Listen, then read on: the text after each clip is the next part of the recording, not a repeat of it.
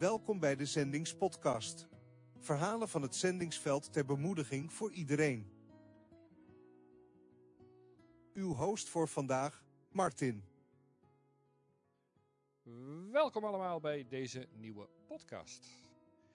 Deze keer gaan we het hebben over het kruibelpad van de hoop. En een speciaal welkom vandaag voor onze gast. Gastinne, gast, ik weet het eigenlijk niet. Wat is, het, wat is, wat is een vrouwelijke gast? Geen idee. Uh, Christine Lemaire, welkom, welkom, welkom. Ja, dankjewel. Italië, man, man, man. Nu begint je echt jaloers te worden hoor, hè? wat, wat, wat, voor wat voor temperatuur is het vandaag in uh, Italië? Oh, nou, vandaag is het uh, denk ik 12 graden of zo. Dus het is niet heel warm nu. Ik ben nog steeds jaloers. heel goed. Hey, Italië, Pisa, die omgeving, iets met een scheve toren volgens mij? Ja, in Pisa van de toren. Spannend. Ja. Ik ben er nog nooit geweest. Is, is het echt zo'n toeristenval of valt dat mee? Ja, ja, zeker nu, nu uh, COVID weer echt achter de rug is, begint het weer uh, steeds drukker te worden. Dus uh, veel toeristen, zeker nu in het weekend dan veel. En ook heel veel studenten. We hebben drie universiteiten in Pisa. Dus er komen ook heel veel studenten uit heel Italië en ook uit het buitenland. Veel internationale studenten. Dus het is een rijke, rijke stad. Ja. Wat leuk. Hey, maar dat, dat, dan, dan heb je ook het risico dat je, of het risico, het positieve risico, dan moet er ook een internationale kerk zitten in Pisa, Engelstalig.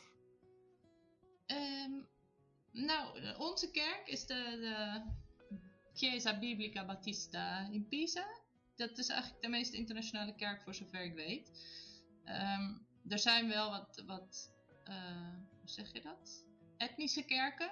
Dus hebben, het is een, Afrikaanse kerk, dus uh, um, er zijn hier veel uh, mensen uit, um, uit de Filipijnen die als hulp in de huishouding werken, dus die hebben een eigen kerk. En wij hebben dan de Baptistenkerk, is een heel gemixt gezelschap uit allerlei landen, omdat wij de enige kerk zijn die ook diensten in het Engels aanbieden of aanboden voor COVID. En, dus wij hebben ook de, de, internationale studenten uit India die geen Engels spreken of geen Italiaans, omdat hun studie in het Engels is en die dus vaak ook nooit Italiaans leren terwijl ze hier zijn. Maar dan in onze kerk toch nog uh, kunnen socializen. Leuk hoor. Klinkt als een mooie smeltkroes uh, van culturen daar. Ja. Ja, het is wel bijzonder. Ik bedoel, in totaal zijn we dan maar 35 man, hè? dus niet. Uh, dus van elke, elke groep is er dan één of zo. En het worden steeds meer Brazilianen, maar dat is wel heel gezellig. Nee, kijk, in alle eerlijkheid, joh, het, ja, je hebt er maar 35, maar je hebt het wel.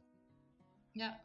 Het, ja, ik ken genoeg zendelingen die, uh, die, zouden die, jaloer, die zouden er ontzettend jaloers op zijn, zeg maar. ja, ja. Oh, wat leuk om te horen. Wat grappig. Hey, als, ik, als ik bij jou het raam uitkijk, wat, wat, wat zie ik dan? Ge geef eens een sfeerbeeld. Uh, oude huizen met hele dikke muren. En uh, ik, zit in de binnenstad, dus het is, dus allemaal oud. De, de weg die voor ons raam langs loopt, dat zijn van die grote tegels, ongeveer een meter lang, 30 centimeter breed, die allemaal schots en scheef liggen. Dus zelfs op de fiets moet je super langzaam rijden om niet helemaal door elkaar gehusteld te worden. En uh, nou ja, telefoonbereik is hier dus in ons huis nul. Want er zitten zoveel dikke muren om ons heen. Dat ik liep een keer op straat met mijn telefoon en ik boog onze straat in en het signaal viel spontaan helemaal weg. Maar goed, dat, weet je, het is wel mooi. Allemaal historische gebouwen, renaissance was hier heel rijk. Dus uh, dat is ook wel weer mooi ja. te zien. Had ik al gezegd dat ik jaloers was? ja. Klinkt wel erg goed.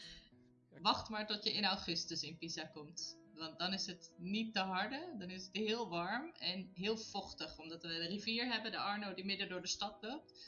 Dus dan zit je echt in de tropen hier en dan overdag kun je niks.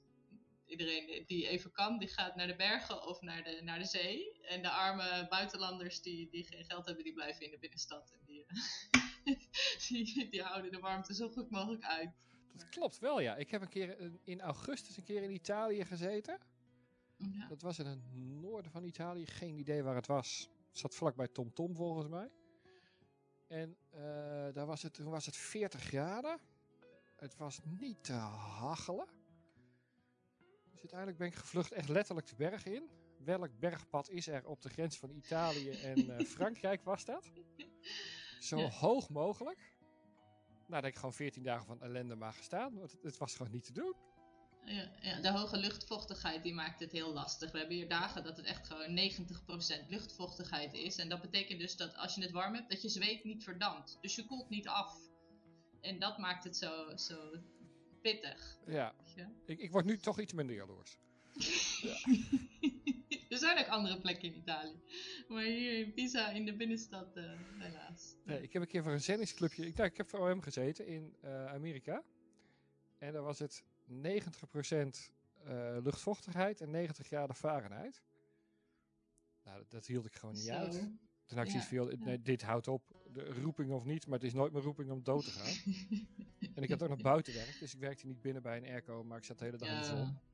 ja. ja. Ja, het was, het was gewoon echt niet te doen. Eh, Nee, ik, ne, eh, daar is een graadje of 40 vind ik heerlijk. Maar dan graag in de schaduw op een terras, alstublieft. ja, precies. Zo, zoiets. Maar Ja, dat, ja. oh, ja, oké, mijn enthousiasme zakt inmiddels. Dat is positief. hey, eh, getrouwd met Marco, zag ik. Ja. En jullie hebben, nou ja, hetzelfde als ons, ook geprobeerd je trouwerij te vieren met eh, de COVID-toestanden. Is die een beetje hetzelfde verloop als onze trouwerij? Met we, we proberen er maar iets te va- te van te maken wat nog kan? Ja, ja, want onze locatie zegde ook nog op het laatste af, omdat ze niet aan alle eisen konden voldoen. Dus uiteindelijk waren we met maximaal 40 gasten in onze eigen kerk. Zeg maar, dat was de feestlocatie geworden. Dus de helft van de gasten was gewoon de kerk. En dan er waren vier mensen uit Nederland. Eh, maar goed, we hebben een livestream gedaan die heel goed bekeken is. Dat hadden we anders nooit gedaan. Dus, en het voornaamste is, we zijn getrouwd. We hebben ja gezegd. dus dat is gelukt. Ja, dus, ja de- uiteindelijk gaat het daarom. Zo, zo Ja, simpel is toch? het. We hebben de zegen van God en eh, we zijn nog steeds getrouwd. Dus, eh, Absoluut. En, in goed. alle Ja. eerlijkheid, helemaal mee eens. De, de rest, ja, details. Leuk als het kan. En kan het niet. Ja. Nou ja, oké, Ja. dan niet. Ja. Italië, waar ik me over verbaasde. waar ik echt nog nooit. Ik had al zoiets Italië, dat moet razend katholiek zijn. Beetje hetzelfde als we deze kant ook hebben. Ehm, maar ook, ook heel veel occultisme onder Italianen. Hè, wat dan? Ja, ja, ja daar, daar schrok ik ook van. Toen ik dat voor het eerst las, toen dacht ik, wauw, dat had ik niet verwacht. Maar het heeft voor een deel te maken met natuurlijk, mm, in, in de katholieke gebruiken zit natuurlijk heel veel soort rituelen en, en magische handelingen, als je het zo wilt noemen. Want eh, hier in Italië is het katholicisme echt het, wat wij in Nederland zeg maar, uit de jaren 50 kennen. Weet je wel, de, paus is, de paus is de baas. De priester die kan de Bijbel lezen en, en jij als simpel mensje moet niet denken dat je dat zelf kunt doen. En je hebt de kerk nodig om überhaupt bij God te kunnen komen. En Maria natuurlijk, want die wordt hier nog echt, echt aanbeden. Eh, dus daar zit, en, en dan heb je natuurlijk dat avondmaal, wat echt het lichaam van Christus wordt op dat moment. Dus daar zitten al, al zeg maar ele- magische elementen in, als je het zo wilt noemen. En daarnaast zijn heel veel mensen teleurgesteld in de katholieke kerk. En denken dan, want hier zeggen ze dan, je bent christen, oh. En dan horen ze, oh, je bent katholiek. Want dat is christen. Dus het christendom hebben ze gezien, dat is niks, want al het misbruik in de katholieke kerk enzovoort. Uh, dus dan schuiven ze het hele christelijk geloof terzijde. En uh, heel veel studenten noemen zich ook atheïstisch. En andere mensen zoeken het dus in, in toch een soort houvast zoeken in allerlei uh, bijgeloofpraktijken. Dus heel veel bijgeloof en, en geloof in, in voortekens en, en geluksbrengers en dat soort dingen. En daarnaast is het satanisme gewoon echt heel actief. Want in, in Turijn zit dus de ene grootste satanskerk van heel Europa. Uh, die staat in Italië. ja, en uh, ja, dat, dat merk je toch gewoon in de geestelijke sfeer. Dat daar echt wel ja, gevochten wordt om mensen in het duister te houden, letterlijk en figuurlijk. Spannend hoor. De, de, merk je daar in, in, je dagelijks leven ook iets van? Je, je draait wat vrijwilligerswerk in een goede doelenwinkel. Uh, in je dagelijks leven, merk je daar wat van? Of hoe, hoe werkt dat dan? Nou, je merkt wel een soort, weet je, van die kleine uitspraakjes, weet je, wat we in Nederland ook hebben. Oh, even afkloppen. Of zo, weet je wel? Dat soort kleine dingen, die, die komen dan toch vaak langs. Of, of gewoon, ja, dat, dat, dat, er dan toch even voor de zekerheid nog uh, iets aangeroepen wordt. Of, of uh, uh, iets niet gedaan wordt, want dat zou eventueel ongeluk brengen.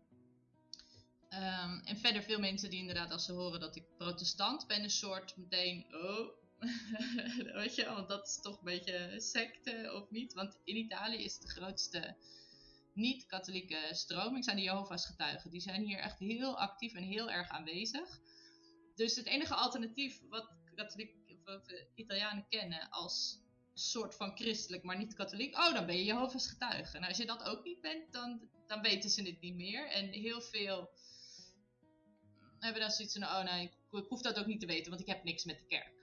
Weet je wel, dan gaat de deur meteen dicht. Want ja, dus, dus dat is dan altijd een beetje zoeken van hoe, hoe open je dan het gesprek of hoe leg je uit dat, dat het om een levende relatie met Jezus gaat. En dat dat heel wat anders is dan al die rituelen en, en structuren die ze kennen, die, die mensen eronder willen houden, of die, die de mensen dom houden, of, of inderdaad die. Jij moet nu je bekeren, want dan ga ik naar de hemel. dat hele pusherige van die Jehovah's getuigen. Dat, uh, ja, dat is best een uitdaging. Ja, dat, ik kan me voorstellen dat het een uitdaging is. Wauw. Had ik nog nooit bij stilgestaan. Nou, ga ik, toch, ja, ga ik toch anders kijken naar Italië op een of andere manier. Ja. De grootste Satanskerk in uh, bizar. Ene grootste. Ik weet niet waar de grootste staat, maar... Oh, spannend. Ja. Hey, Ja. en jij- jouw officiële hoofdtaak is de communicatie voor OM Italië. Ja. Eh, volgens mij ben je razend creatief. Wat, wat moet ik verstaan onder eh, communicatie? Nou, de, de communicatie voor OM Italië, dat is dus gericht op het Italiaanse publiek, zeg maar op de 1% christenen, protestantse christenen die, die er zijn in Italië. Ehm, dus dat gaat ook allemaal in het Italiaans. Dus gelukkig heb ik nog een paar vrijwilligers die mij in Italiaans controleren of die af en toe een artikel voor mij vertalen uit het Engels. Eh, zodat dat het niet heel eh, slecht eruit gaat, maar het wordt steeds beter. Eh, nou ja, goed, we hebben, we hebben een website. We hebben eh, Instagram en Facebook en, en we hebben een eh, magazine wat nu overgaat van print naar, naar toch een digitaal magazine. En dat is allemaal mijn verantwoordelijkheid en ik heb daar vrije hand in, zeg maar, en volledige verantwoordelijkheid om dat gewoon bij te houden, in te vullen en te verzinnen wat erin komt. Dus aan de ene kant krijg ik heel veel vertrouwen en aan de andere kant ook heel veel, Oh nee, dat doe ik zelf. Ik leg mezelf dan heel veel druk op om dat zo goed mogelijk te doen eh, en, eh, en goed te programmeren. Ehm, en eh, nou ja, ik ben goed om die structuur aan te brengen. Dus wat dat betreft zijn ze allemaal heel tevreden over mij. Dat het ook echt iets is wat netjes constant blijft. En wat niet zeg maar een wilde opleving heeft van een enthousiasme van twee maanden. En dan gebeurt er heel lang helemaal niks. Dat probeer ik te voorkomen, zeg maar. En eh, we proberen de, de lokale kerk zeg maar, te ehm, stimuleren om bewust te zijn van het feit dat zij ook verantwoordelijkheid hebben om het evangelie te vertellen aan bu- hun buren. Want veel protestante kerken zijn hier erg naar binnen gericht. Eh, ondanks dat er dus heel veel werk te doen is. Want nou ja, 99% van de Italianen kent Jezus niet persoonlijk. Ehm, en om ook instrumenten en, en voorbeelden aan te reiken van nou, dit zou je bijvoorbeeld kunnen doen. En ik vind het leuk om bijvoorbeeld eh, speciale dagen die er zo zijn. Die, hè, weet je, dan hebben ze World. Wat komt er nu aan? 1 maart is de dag van het compliment. Oeh. Nou, dan denk Kan ik, oh, wachten. dat is leuk, daar kan je vast iets mee doen. Dus ik dacht, wat, wat kunnen we nou voor Bijbels compliment geven als idee, weet je wel, wat leuk is om rond te sturen. En toen dacht ik, ja, weet je wat eh, Psalm 139 zegt? Eh, jij bent wonderlijk gemaakt en, en een prachtige... ik, ben, ik ben nu even niet in het Nederlands.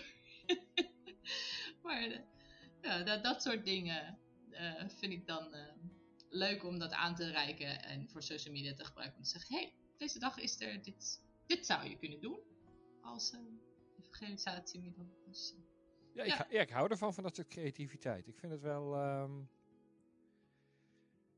ja, op de zeepkist daar gaat ook volle zalen meer trekken tegenwoordig. Ehm, is, is, nog, is wel nodig, laten we eerlijk zijn. Ja. Maar met alleen een zeepkist gaan we er niet meer komen in ieder geval. Eh, dus ja, dat soort uitingen. De dag, de, ja, dat soort uitingen op de dag van het compliment. ja, Ja, ik zal het eh, Esther even vertellen dat het 1 mei de dag van het compliment is. Dan eh, kan ze mij de hele dag overladen met complimenten.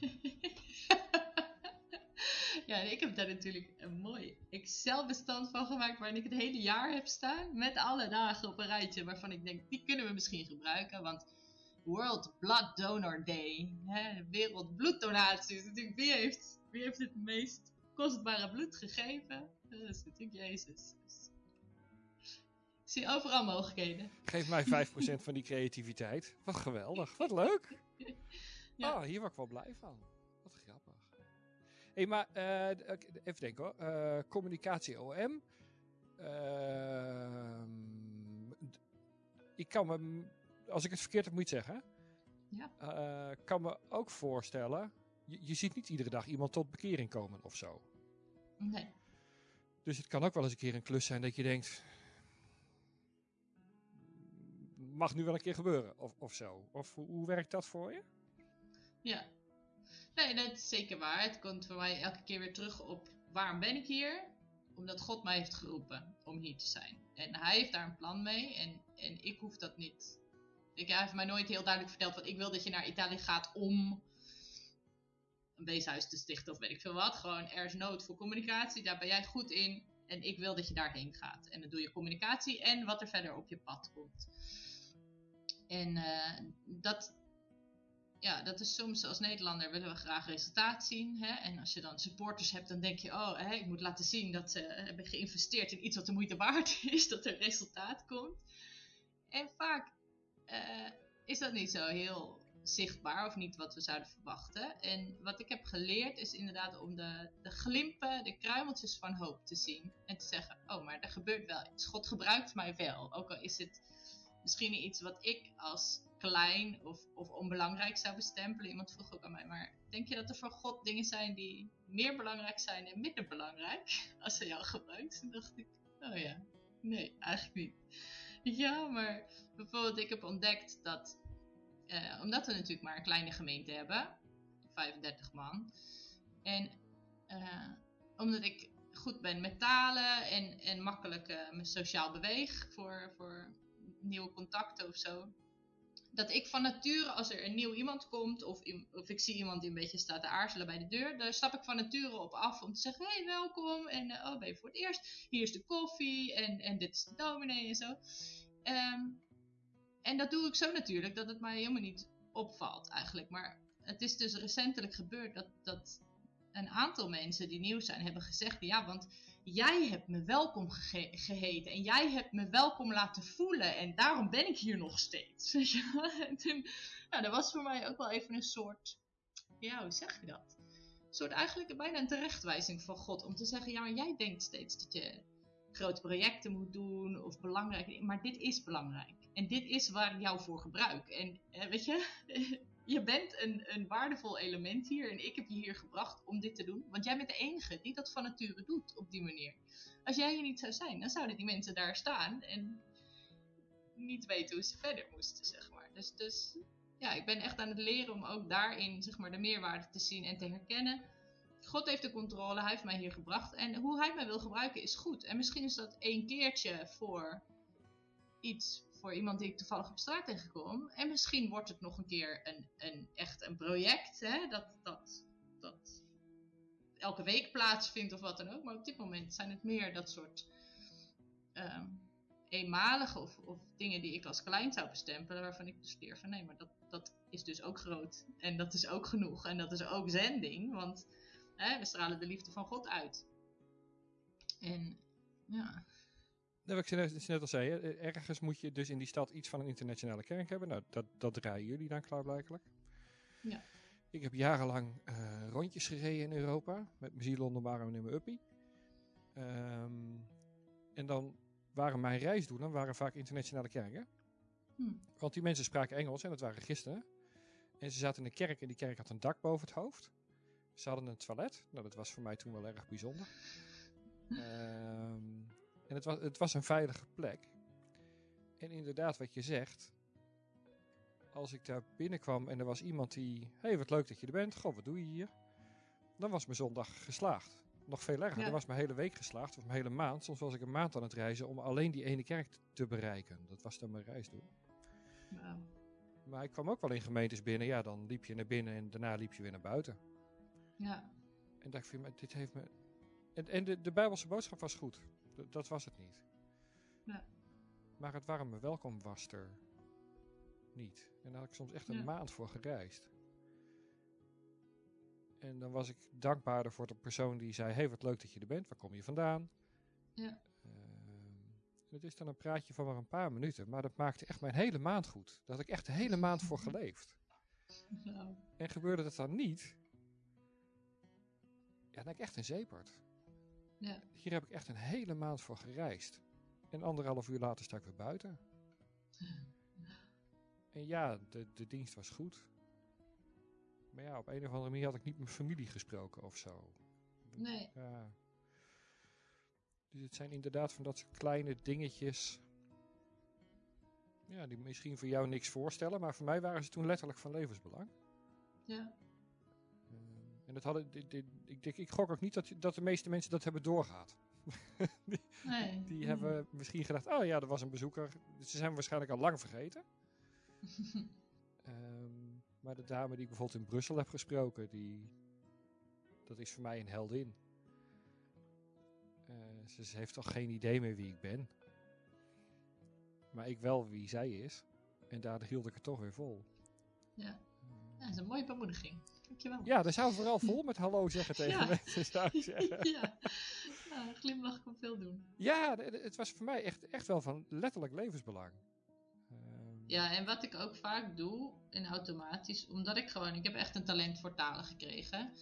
En omdat ik tweetalig ben opgegroeid en, en een talent voor talen heb, kan ik ook makkelijk simultaan vertalen. Dat gaat mij van nature eh, af, zeg maar, als ik twee talen ken. Dus ik doe dat ook vaak als er iemand komt die, die geen Italiaans spreekt of zo. Dan ga ik automatisch vertalen, zeg maar, tolken. Omdat ik zelf ook altijd denk van, ja, maar eh, ik vind het ook fijn als iemand even uitlegt wat er gebeurt. Ook al gaat het mij misschien niet heel direct aan, maar gewoon iemand die, die zegt: Ik wil dat je mee kunt doen. En dat vind ik dan heel fijn als ik dat kan bieden. ja, is kostbaar hoor. Ik heb die, ik heb die talenten toch. Nou ja. Ja, dan kun je ze net zo goed Ja. gebruiken. ja. Ja, en voor mij is het makkelijk. Weet je, en als, ik bedoel, af en toe als, ik, eh, als er Nederlanders in de kerk komen, het is wel eens gebeurd. En dan schakel ik tussen drie talen, dan wordt het wel af en toe een beetje vermoeiend. Eh, Engels, Italiaans en Nederlands. Maar eh, Ja, we- het, eh, onze wereld bestaat op dit moment uit eh, Russisch, Pools, Engels, Nederlands. En soms lopen de gesprekken ook in vier talen. Ja, dat, Ja. Laat ik het zo stellen, het is een uitdaging. ja, Een behoorlijk gaar gesprek. Maar het zijn inderdaad wel dat soort kleine dingen. We hadden gisteren, ik liep gisteren even op het busstation hier. Nou, de- daar stikt het op dit moment van de Oekraïnse vluchtelingen. Ja. Eh, ga je er een kwartiertje wandelen, dan kom je iemand tegen die helemaal vertwijfeld staat te huilen in een hoekje. Ehm, en dan zijn het kleine dingen. Je kunt er gewoon naartoe wandelen en gewoon vragen van, joh, hoe gaat het met je? Ben je hulp nodig? Meer van bak koffie. Of, of hele simpele dingen. Ehm, en dat is voor die... Ja, ik denk dat we veel te vaak niet doorhebben hoe groot dat soort goddelijke knuffels zijn, denk ik. Ja, en ik merk het hier in Italië ook, want ik ben met een Italiaan getrouwd, hè. En eh, wij Nederlanders zijn natuurlijk heel direct en de Italianen niet. Dus de Italianen, die bemoeien zich niet zomaar met iemand die ze niet kennen, want hè, één, dat gaat je niks aan. En twee, hè, je kunt die ander juist, zeg maar, schaamte bezorgen door aandacht te richten op het feit dat hij, weet ik veel, dat hij, dat hij al in, in het openbaar zou huilen, weet je is al schande op zich. Maar om daar dan ook nog eens aandacht aan te gaan besteden, dan maak je het eigenlijk erger. Terwijl ik dan als Nederlander denk, ja, maar hè, eh, het is toch zielig, weet je wel. Laat ik zijn minst even kijken of ik iets kan doen. En, en eh, nou ja, mijn, mijn man zegt dan ook van, ja, mo- moest je dat nou doen? Weet je wel, want weet je, in de supermarkt, dat was, was eh, gewoon iets simpels. Dat je denkt, ja, is toch logisch? Nou, eh, niet per se dus hier. Dat was, eh, we moesten groenten wegen en, en, en dan, hè, dan moet je zo'n sticker erop plakken. Maar een van die weegschalen die maakte wel de sticker, maar er stond dan niet de prijs op van het product, alleen maar de kiloprijs. En de andere weegschaal deed dit wel goed. Dus wij hadden andere weegschaal gebruikt en onze, onze producten waren klaar. Dus eh, mijn man loopt verder. Ik loop naar een winkelmedewerker toe en ik zeg: Hé, hey, die, die die doet het niet goed, want die stickers komen er niet goed uit. En hij had echt zoiets van: Oh, dan moest jij weer gaan zeggen. Ik zeg: Ja, natuurlijk, want iedereen heeft daar dan toch vervolgens last van. Dat, hè, dan komen wij als Nederlanders oplossingsgericht. We kunnen dit oplossen, laten we even een handje helpen. Terwijl de Italiaanse zeggen: Ik heb mijn dingen gedaan, het gaat mij niet aan. En als ik nu naar die medewerker ga, dan richt ik de aandacht op iets wat verkeerd gaat. Dus dan zet ik die man in een of andere manier, bezorg ik die schaamte. Dus dat doe je niet. Want ze komen er heus wel een keer zelf achter. en ik denk dan, nou, ik wil gewoon graag even helpen. En eh, meestal wordt het dan toch wel op prijs gesteld. Ook al zou een Italiaan dat dus nooit doen. Dus het is voor mij ook de, de uitdaging om die vrij, vrijmoedigheid niet kwijt te raken. Ook al is het cultureel gezien niet altijd het meest uh, verwachte, zeg maar. Want uiteindelijk, weet je, mensen hebben toch die aandacht nodig. En, en ze zien dat het uit een goed hart komt. Dus, dus meestal vinden ze het wel leuk. En soms kijken ze hem gewoon raar aan en denken ze, wie ben jij? Waarom praat je tegen mij? Ik ken je niet. ik heb dan altijd zoiets van, nou, ik blijf hier toch altijd de toerist voor jullie. Dus ja, dat, dat vind je dan maar. Prima. Ja. Uh, en dat, dat, geeft ook wel, tenminste, het geeft mij altijd wel een bepaalde vrijheid op een of andere manier. Ja. Ik ben niet toch de toerist, dus ze kijken me toch al raar aan.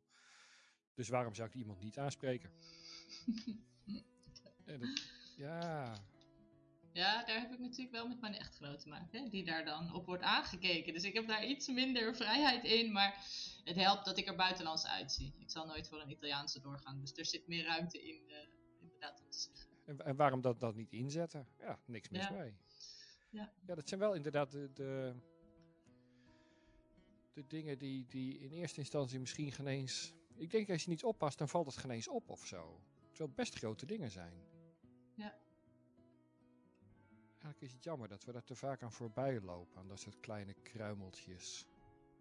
Ja, ik moet zeggen, een, een boek uh, wat ik uh, van OM Nederland, ik werk, ik werk, voor Operatie Mobilisatie, en OM Nederland heeft een boekshop. Ik weet niet of het boek nog te koop is, maar ik heb dat een keer gelezen. Het is een klein boekje, zo heb ik het beleefd, van een mevrouw die, als ik het goed zeg, in Pakistan werkte. En die had daar echt oog voor. Gewoon, die vertelde dan een situatie dat ze, weet ik veel, bijbelverhaal ging vertellen in, in het ziekenhuis aan, aan mensen die daar op bezoek waren bij andere zieken. Met de flanelbord, weet je wel. En omdat ze in die cultuur van verhalen houden en zo was er veel aandacht voor.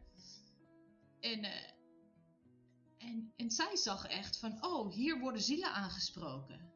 God is met die mensen bezig en het feit dat ze zo aandachtig luisteren is een teken van Gods inmenging in hen. Terwijl ik denk, ik zou in eerste instantie gewoon gedacht hebben, nou ja, weet je, ze houden van verhalen. Natuurlijk is het altijd leuk, zo'n flanelbord. Dus eh, of, of, of ze daarin aangesproken worden door God of niet, dat weet ik niet. Dat hoop ik. Maar zij was echt, zij zag dat in, in een minuscuul detail. Dat ik dacht, wauw, zo wil ik ook kunnen kijken. Het boek heeft me echt geïnspireerd om meer met geloof te kijken. Ook naar situaties en ook de kleinste sprankjes serieus te nemen. Als, ja, maar hier gebeurt iets. En dit is goddelijk en God gaat daarmee verder, weet je. En ik weet misschien niet hoe het af gaat lopen, maar ik weet dat God iets gedaan heeft, want dat heeft hij beloofd ook. Ja, ja dat is wel, ja, ja erg zijn we er toch iets kwijtgeraakt, denk ik dan. Als in, waarom zien we dat soort dingen? Als je, de, het verhaal van die zaaier die gaat zaaien. Uh, het is niet hij zaait en pas boem, er, er was een plant. Mm over het hele veld stond in één keer vol. Ja. En iemand moet die zak met zaden ook naar die zaaier hebben gebracht. Die moet het hebben verkocht. Uh, iemand moet het in die zak hebben gedaan.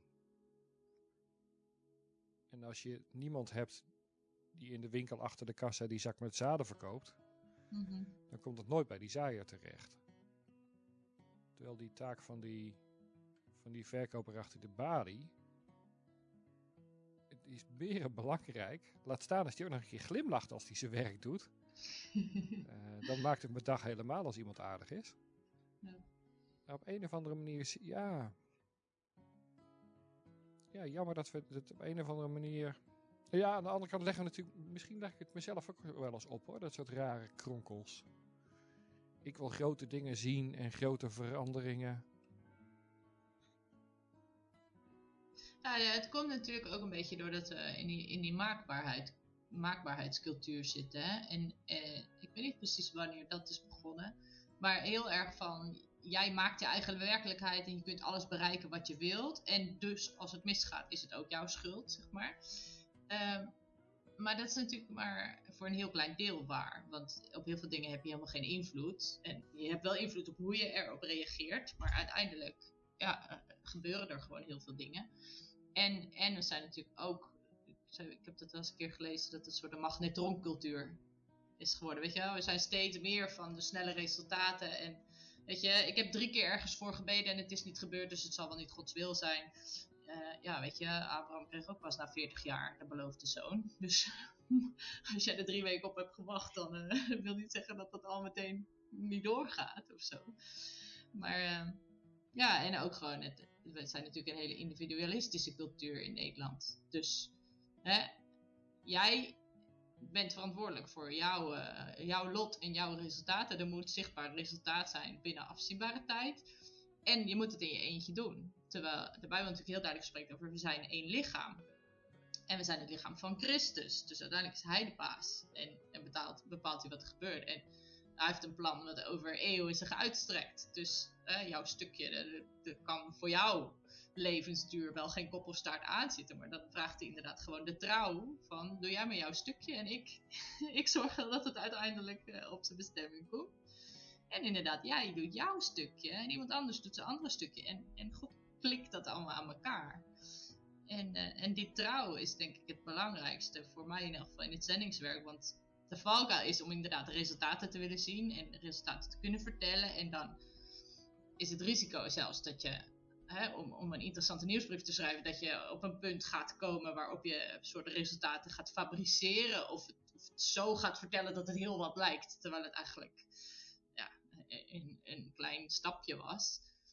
Uh, terwijl God van ons vraagt gewoon, wees nou maar gewoon trouw in wat ik je heb. Doe jij waar ik je voor geroepen heb, dan gaat het goed. Jij moet zaaien. Oké, nou zaai. En als je hebt gezaaid, dan, dan heb jij je werk gedaan. Of er wat opkomt en wanneer er wat opkomt, dat gaat jou helemaal niks aan. Want jij bent de zaaier. soort.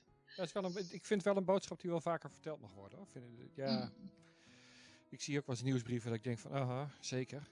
Uh, waarom ben je niet gewoon blij wat, wat God heeft gedaan? Nee. Er is een hele hoop gebeurd en ja, misschien moet je dan tussen de regels doorlezen. Uh, maar als jij je werk niet had gedaan, voordat, voordat iemand kan komen om te oogsten, ja, dan moet er ook nog iemand met een strontemmer over dat veld heen. Want dat spul moet ook mm. nog een keer bemest worden. Mm. Uh, iedereen heeft daarin zijn rol. En dat betekent niet dat het even leuk is, maar het moet wel allemaal gebeuren. En als de eerste persoon zijn werk niet doet. Ik, ik vergeleek het laatst met het Domino uh, D-Day. Uh, ken je dat verschrikkelijke programma, Domino D-Day op tv? Ken je dat nog? Of ben je het gelukkig vergeten? Vaaglijk. Ik weet, ik weet van de, dominee, uh, de omvaldomino's, zeg maar. Ja, in ieder geval die, die omvaldomino's. Dan moet je het eerste stik, uh, dat begint met één steentje aantikken. En uiteindelijk verschijnt er dan een prachtig schilderij wat ze in elkaar hebben gezet. Um, maar dan moet je wel het eerste steentje omtikken, want anders zul je de schilderij nooit zien. Nee. En al die steentjes moeten ook allemaal hun werk doen. Want zeg steentje uh, 5341, ik heb er vandaag geen zin in, of ik ben er even ja. niet. Dan zie je nog maar de helft van het schilderij. En aan een helft schilderij heb je niks, want dan, dan ziet het er wel heel raar uit, bij wijze van spreken. uh, dus je kunt ook niet zeggen, weet je wat, ik sla, dat is de andere kant. Weet je wat, ik ga gewoon uh, steentje 1 tot en met 3025 overslaan. En ik tik gewoon het volgende steentje om. en dat gaat niet ja. werken. Het, het, ziet er niet uit, het schilderij. En dan is Domino D-Day is mislukt en hebben we geen, uh, geen recordpoging met gillende mensen. Ik vind ja, dat, dat, dat vergeten we wel eens. Het is een domino spel. Het is gods een schilderij. Wij zijn maar één steentje.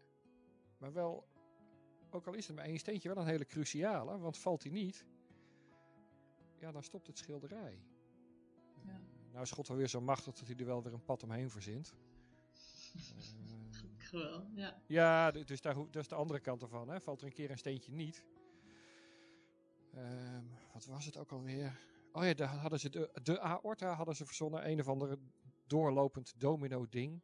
Dat als er iets niet omviel, dan tikte dat ding altijd wel door en dan kwam het altijd wel weer goed. Oh ja. Ja, dat, dat, heeft God dan op een of andere manier dan ook wel. Uh, dus probeer jij een keer een steentje om te tikken wat niet om wil, nou dan, dan wil die niet om. Dan, God heeft er echt wel, God heeft echt wel een plan B hoor, maak je geen druk. Hè? Maar ja, je moet wel steentjes tikken. Ja, en jouw bijdrage is belangrijk. Ook al is het, is het één stapje in het totaal. We hebben een, nu een man in de kerk, die, die komt dus uit de katholieke kerk. Die was daar ook heel actief in.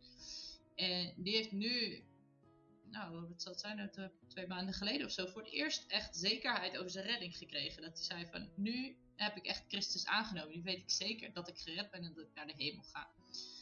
Maar zijn proces om van de katholieke kerk naar deze persoonlijke relatie met Jezus te komen, heeft 20 jaar geduurd. Weet je, wij zijn het laatste stukje, of in ieder geval het laatste stukje tot deze stap in elk geval geweest. Maar in die 20 jaar heeft hij dus gesprekken gehad met, met, met christelijke mensen, met evangelische mensen en, en nou ja, allerlei ervaringen en zo. Maar dat heeft 20 jaar geduurd.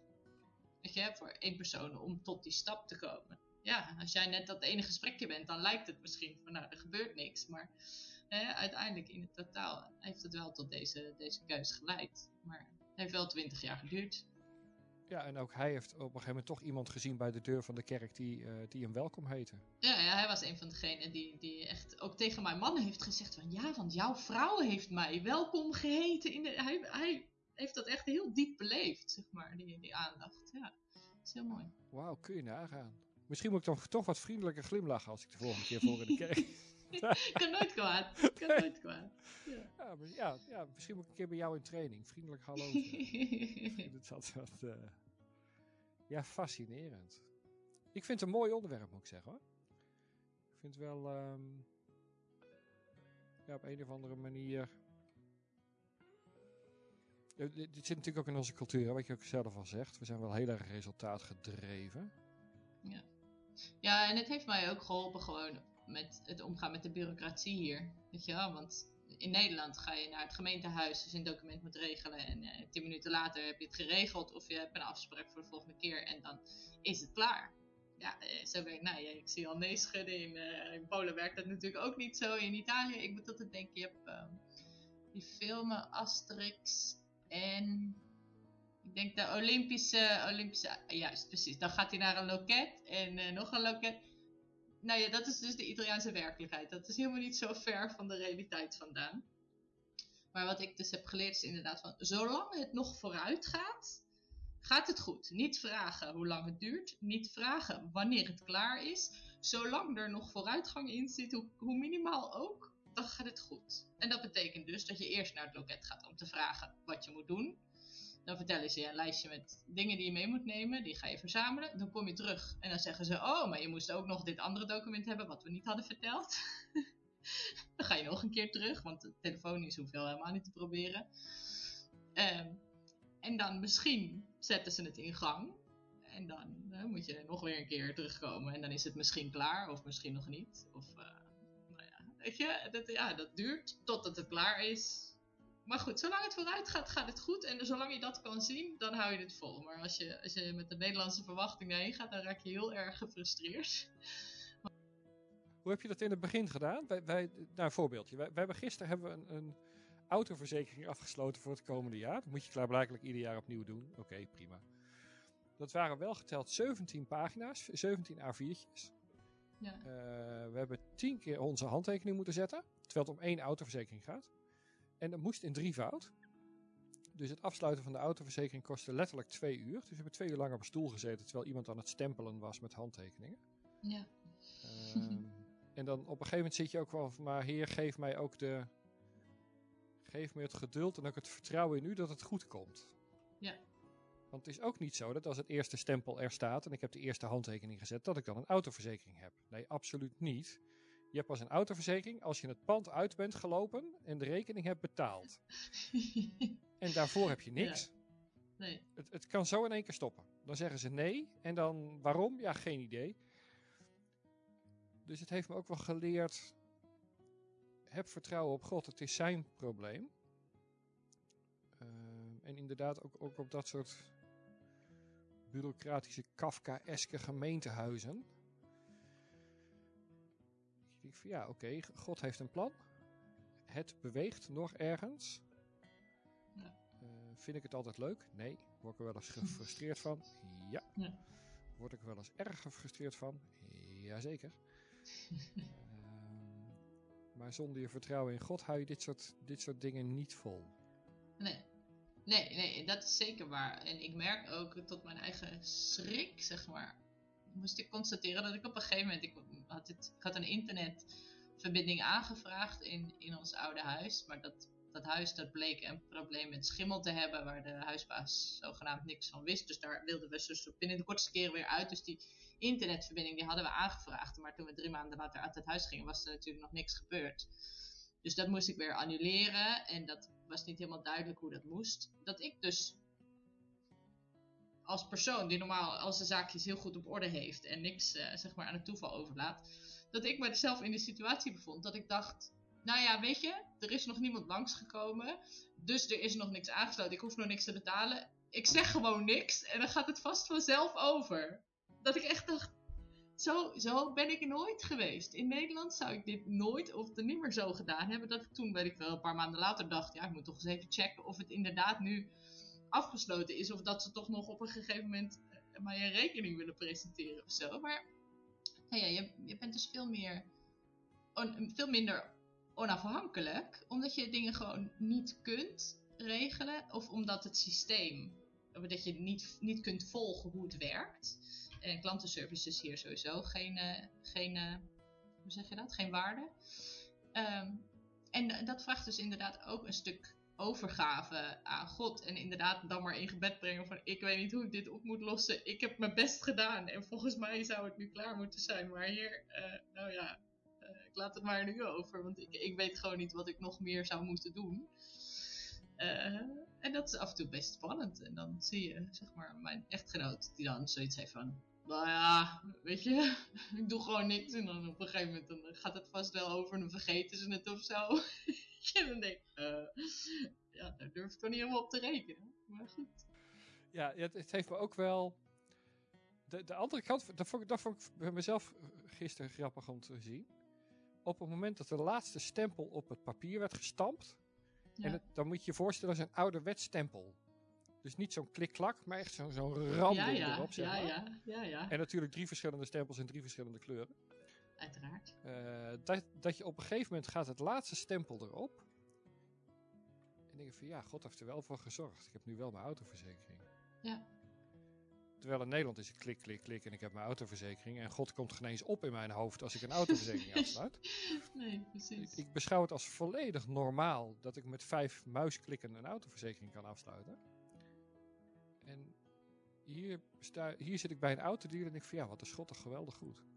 Dat we vandaag een autoverzekering hebben kunnen afsluiten. Ja, ook wel weer mooi. Ja, dat heeft ook wel weer iets moois. Dat je denkt van je leeft veel meer... Ja, ik heb wel het idee dat ik dichter bij hem, bij hem in de buurt ben of zo. Ja, je bent bewuster dat je het niet allemaal zelf in de hand hebt. En dat je niet alles even zelf kunt regelen.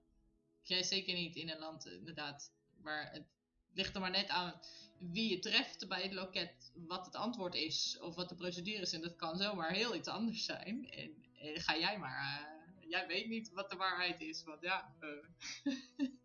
en dan inderdaad, dan maak je meer afhankelijk van God. En ook inderdaad dat je meer ziet, bewust bent van ik heb hem nodig. En hij kan al dat soort dingen dus wel regelen.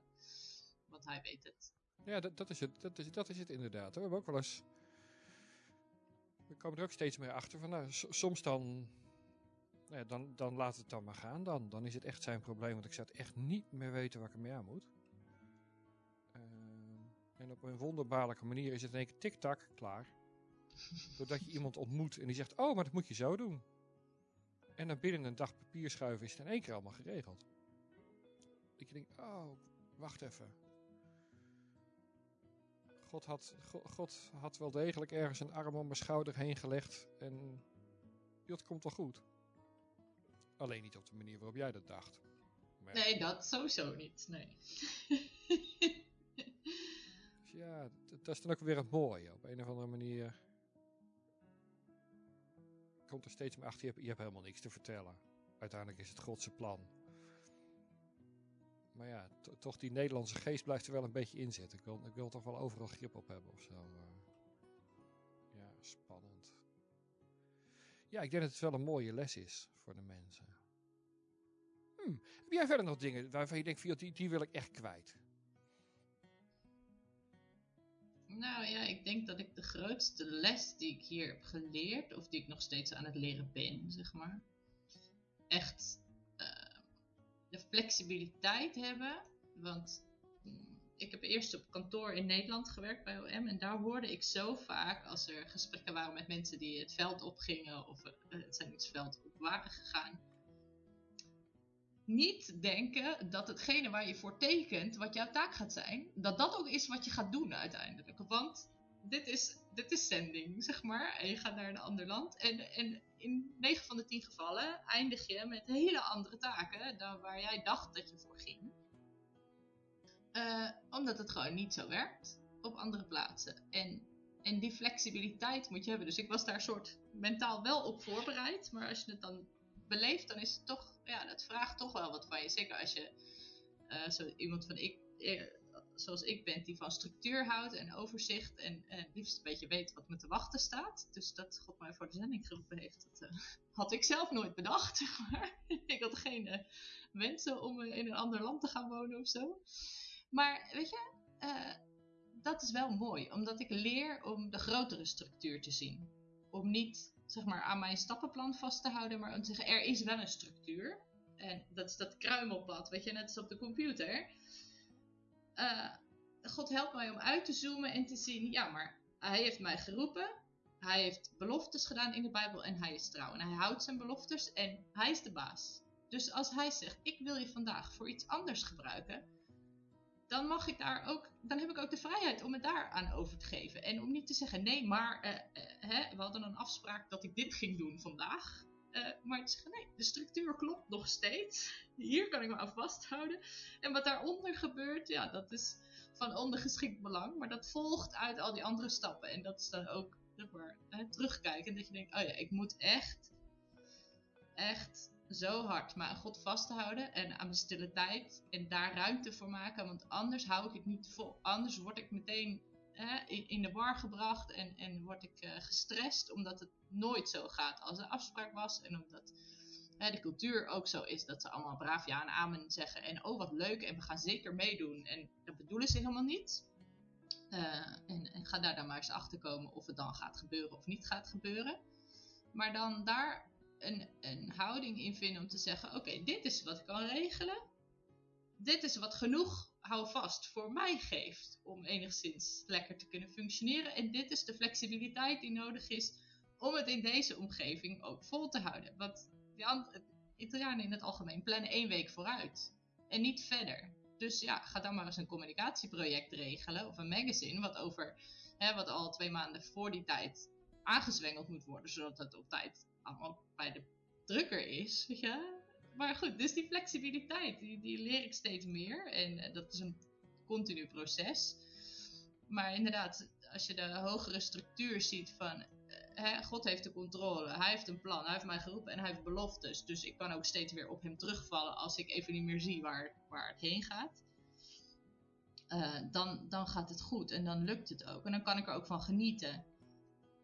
weet je wel, want elke keer zegt God ook uh, het is volbracht. Ik heb alles al gedaan. Weet je, je hoeft er niks meer aan toe te voegen. Ik heb jou de vrijheid gekocht om met mij mee te werken. En ik heb goede werken voor je voorbereid. En daar mag je in je, dat is veel relaxter dan ik moet nu deze dingen allemaal uh, doen en het moet op tijd af en zo. Um, en, en een stuk geduld. Want in Nederland gaat het allemaal efficiënt en snel en dingen. En hier gaat het allemaal heel erg langzaam. Want uh, als je inderdaad met iemand praat over. Nee, ik werd nu gevraagd om een workshop voor een koor te regelen. Dat was eerst de vraag van zou je dat willen doen? Een week later een gesprek met de, met de dirigent om te zeggen: Oké, wie ben je dan? Wat zou je kunnen doen? Oké, dan twee weken later weer. Oh, we hebben nu uh, bij het koor neergelegd. En nu blijkt dat er iemand in het koor is die dat eigenlijk wil doen en die zich nu gepasseerd voelt. Dus nu gaat het weer on hold. Want dat koorlid, dat moet dan eerst de kans krijgen. En dan uh, nou, gaan we kijken of dat werkt. En waarschijnlijk werkt dat niet. En dan komen we weer bij je terug, want we willen nog steeds met je werken. Weet je? Maar of die workshop überhaupt ooit nog gaat komen of niet, wie zal het zeggen, weet je? En daar gaat gewoon heel veel tijd overheen. En, en ja, dan is het plan er wel. En dan vertel ik dat tegen mijn uh, thuisfrontteam bijvoorbeeld. En die komen dan twee weken later. En heb je de workshop al gegeven? Uh, nee, zo werkt het hier niet. Want daar gaat dus gerust, uh, nou, minstens drie maanden overheen als het niet langer is. En misschien gebeurt het wel helemaal niet. Ja, maar die... ik begin daar steeds relaxter in te worden om ook te zeggen: oké, het is een leuk idee. We gaan er eens over praten. En uh, ik hang daar nog geen verwachtingen aan, want dit is nog een verkennend gesprek en er kan nog van alles gebeuren. En daarom plannen de Italianen ook niet verder dan een week, want je weet het nooit. Dus, uh, nou ja.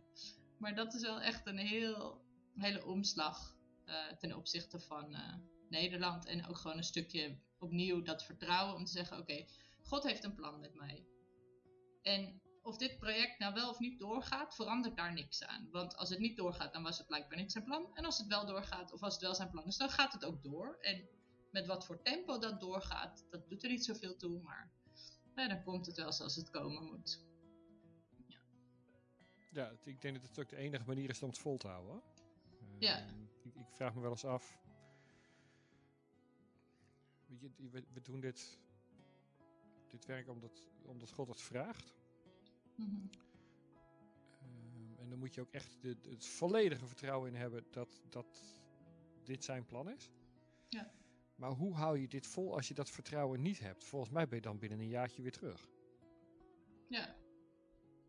Ja, nee, dat, dat hou je niet vol. Want dan raak je heel erg teleurgesteld in alles wat er niet lukt. Want, weet je, ik, ik sprak laatst met mijn directeur hier in uh, Oom Italië, die is Italiaan. Maar die is iets meer hij heeft iets meer internationale contacten. Dus hij begrijpt iets beter ook uh, niet-Italiaanse houdingen.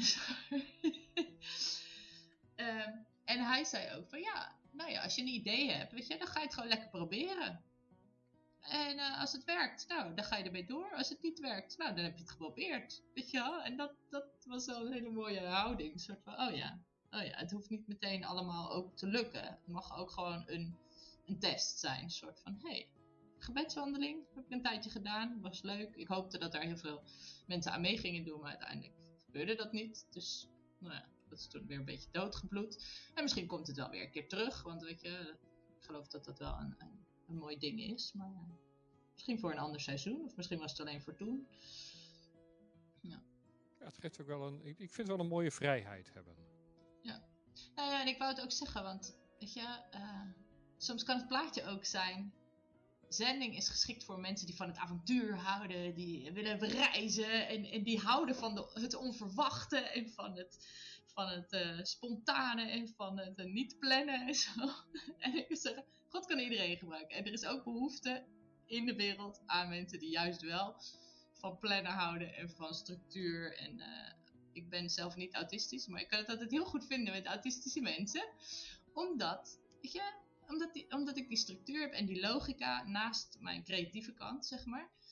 En ook in de zending, ook in al die nieuwe ervaringen, er is een structuur in ons christelijke leven, zeg maar, die als God bovenaan staat en zijn belofte, dan kun je al die veranderingen ook aan. Weet je, het is niet makkelijk en het, het natuurlijk kost heel veel energie en zo. En, en in het begin kost het heel veel energie en, en dat wordt steeds minder. Maar eh, ook als je van zekerheid en van controle enzovoort houdt, dan nog kun je zendeling zijn. en kun je blijven lachen zoals ik. Ook al gaat alles anders dan je verwacht. En dat vind ik een mooie afronder. Uh, daarmee wil ik de luisteraars hartelijk danken voor het luisteren. Like, subscribe, volg of abonneer. En graag tot de volgende keer. Bedankt voor het luisteren naar onze podcast. Meer informatie over ons werk en hoe u ons kunt helpen vindt u op stichtingemmie.nl.